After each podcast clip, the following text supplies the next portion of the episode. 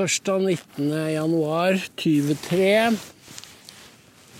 Jeg satt i dag og så hva NTB skrev om eh, USA og dommene over to av lederne for Outkeepers. Det som NTB skriver om USA, har ingenting med virkeligheten å gjøre. Og derfor er det veldig vanskelig å tilbakevise ting som er ren propaganda. Som Altså, du kan si hjulene berører ikke engang veibanen. Fordi det er kommet frem så mange bevis for at 6. januar var en inside job. Og de som arrangerte denne kongresshøringen, de visste jo selvfølgelig det, så de har jo manipulert eh, både vitneavhør og, og sørget for at det ikke ble stilt de spørsmålene som kunne opplyst, belyst hva som skjedde. Og det gjelder jo da særlig Nancy Pelosis sabotering av sikkerheten den dagen. Og de 14 000 med timene, timer med videoopptak som jeg har nevnt. De kommer nå antagelig ut. Og du kan si demokratene har bygget en, en mur av løgner for å stå imot sannheten når den kommer. Men det skaper jo en voldsom dissonans i opinionen og øker polariseringen. Men det bryr ikke det bryr ikke mediene og demokratene seg noe om. De er villige til å betale den prisen fordi de er gang, i gang med et gigantisk eksperiment for å delegitimere den demokratiske prosessen og overta den selv, uten at folk, det går opp for folk egentlig hva som skjer. Og når det går opp for dem, så er det for sent. Så man kan jo da Det er veldig vanskelig å arrestere NTB når hele storyen er bare tull. For hvor skal du begynne?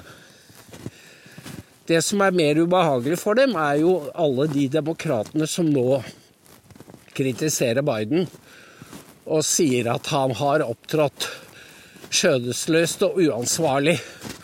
For det kan de ikke ignorere. Men de kan selvsagt ikke plassere den inn i riktig kontekst.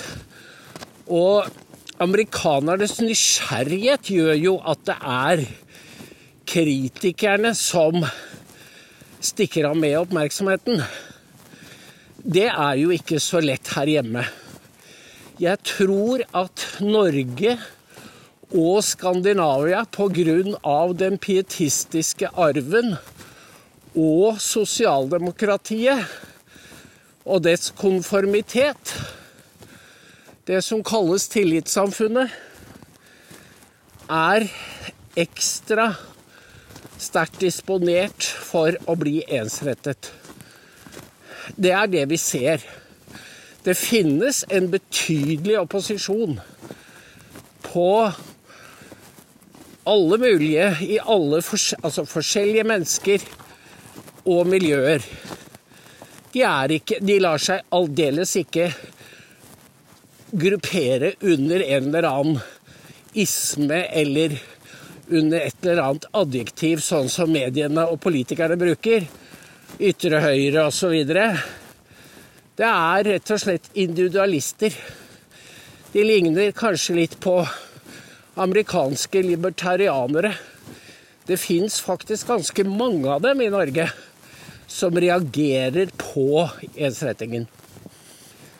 Det som kan være vanskelig å få tak i da, hvis man er innenfor denne mentale hjelmen som vi får eh, bli påtvunget uten at vi merker noe. Fordi vi vokser opp med den, vi får den inn Innholdet er skiftet ut, og vi har ikke merket det.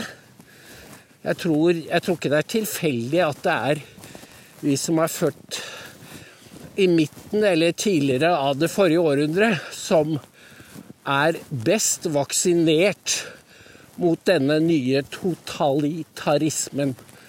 Fordi det er det det er. Her må vi skille på Vi hadde jo den annen verdenskrig, og, og kommunisme og nazisme var en del av arven vi fikk inn med morsmelken. Altså, dette var historiske størrelser. Og da Gulag og Solzjenitsyn kom med sin bok, så var det Det var noe som gjorde et voldsomt inntrykk den gangen. Det var sjelsettende.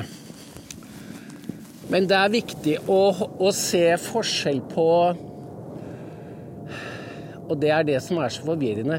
Det ene er ideologisk innhold, verdier og rett og slett aksiomer som slås, hamres inn i oss hver dag. Og det andre er maktstrukturene. Det er to forskjellige ting. For ideologien er det er premisser som drilles inn i oss hver dag. Hva vi skal assosiere med hverandre. Hva vi skal bøye hodet for.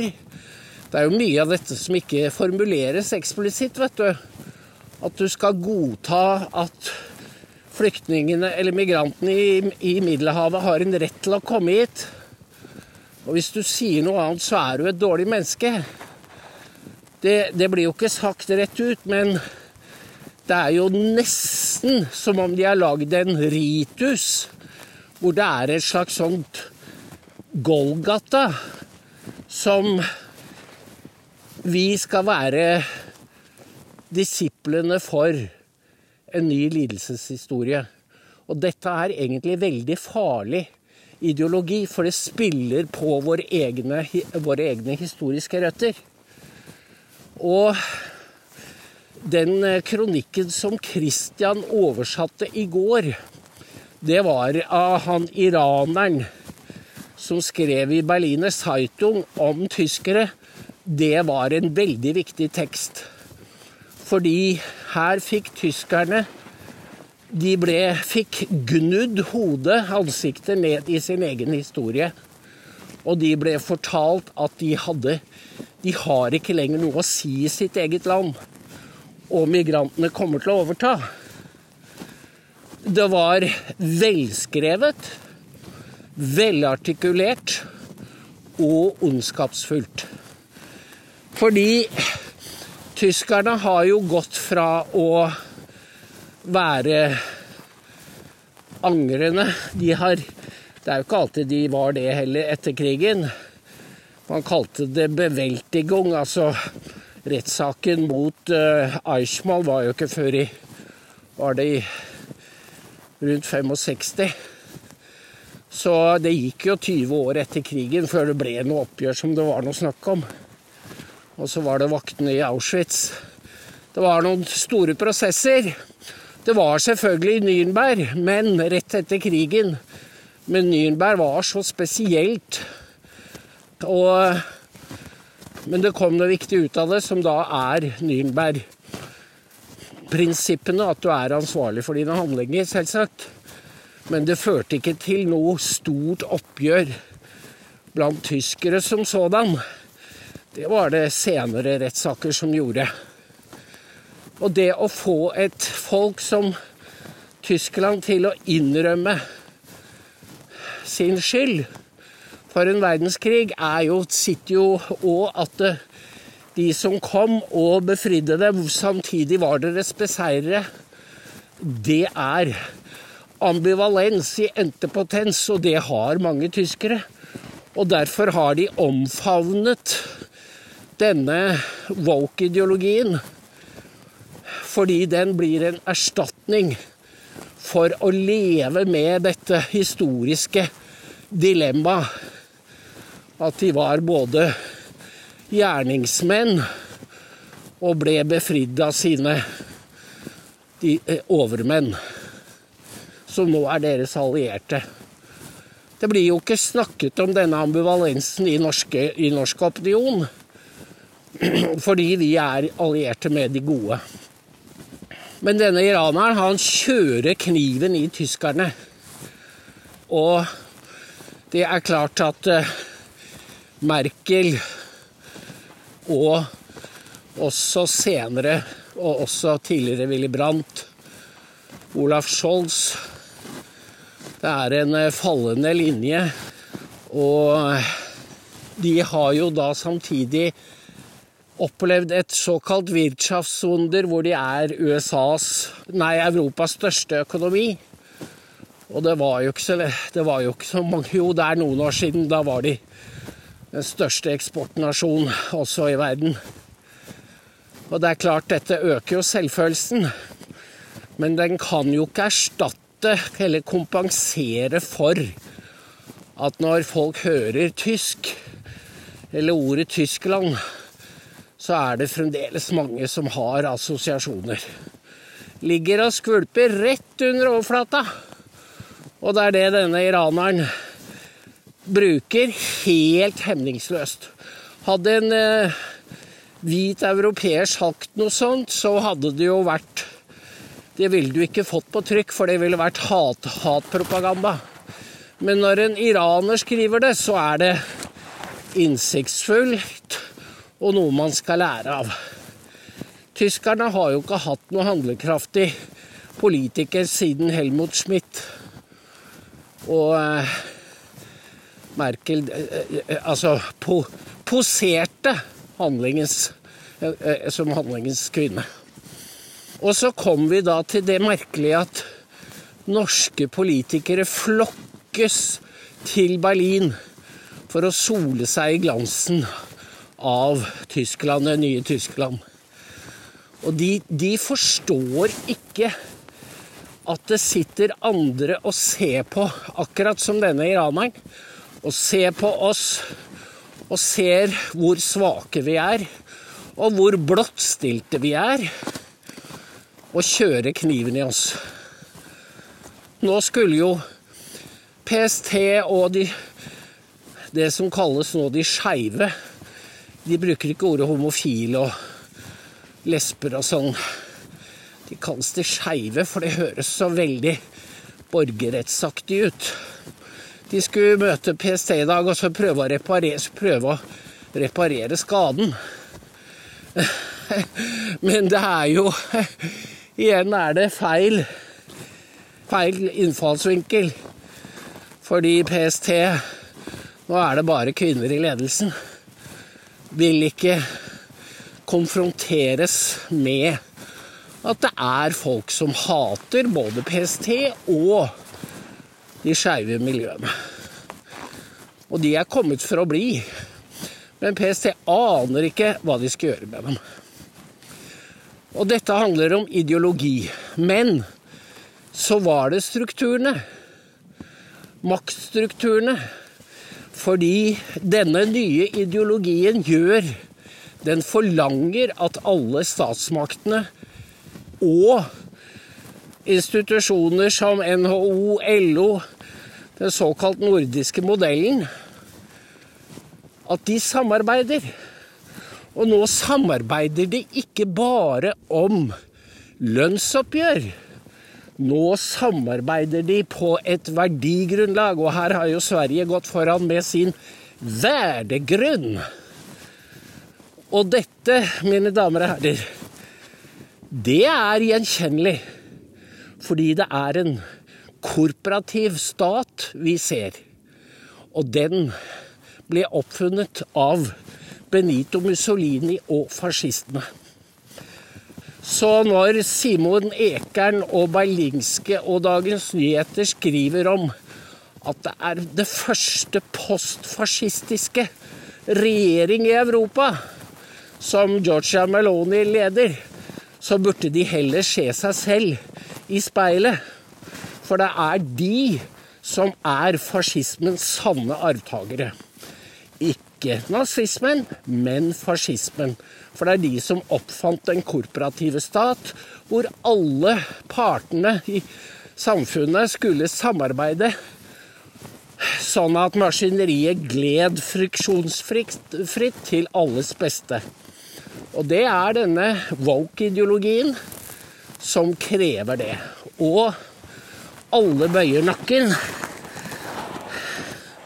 Og befolkningen blir indoktrinert fra de går i barnehagen. Dette kommer ikke til å gå bra. Men jeg vil gjerne at dere skal tenke over at historien kan få sin återkomst, som det heter på svensk, uten at noen merker noen ting. Og da er det faktisk så paradoksalt at selv et slagord som 'aldri mer' kan bli helt impotent når fortiden kommer igjen under, en, under et helt annet flagg. Nemlig under verdegrunnens flagg de gode verdiene og den gode sak for alle mennesker. Jeg hørte fra jeg hørte fra Davos i natt, hvor Nei, det var på War Room. Hvor det var en av topplederne som sier at ja, vi har skapt, eller vi skaper nå, verden som en global landsby uten grenser. Det er deres mål. De sier det rett ut, og det høres jo sånn veldig pent ut. Men dere vet jo like godt som meg av hva de åpne grensene betyr. Det er en veldig god artikkel i American Greatness i dag av Victor Davis Hansen som er om forholdet mellom USA og Mexico. Den må dere lese. Og så da vil jeg si at den som skal snakke om Ukraina, må også kunne snakke om USAs åpne grenser. Du må kunne forklare hvorfor USA skal risikere storkrig for å forsvare Ukrainas grenser, mens USAs er borte. Du hører, og det, faktum at norske medier og politikere ikke snakker om det, forteller meg om at det er her hunden ligger begravet. Sånn er det. Takk for i dag.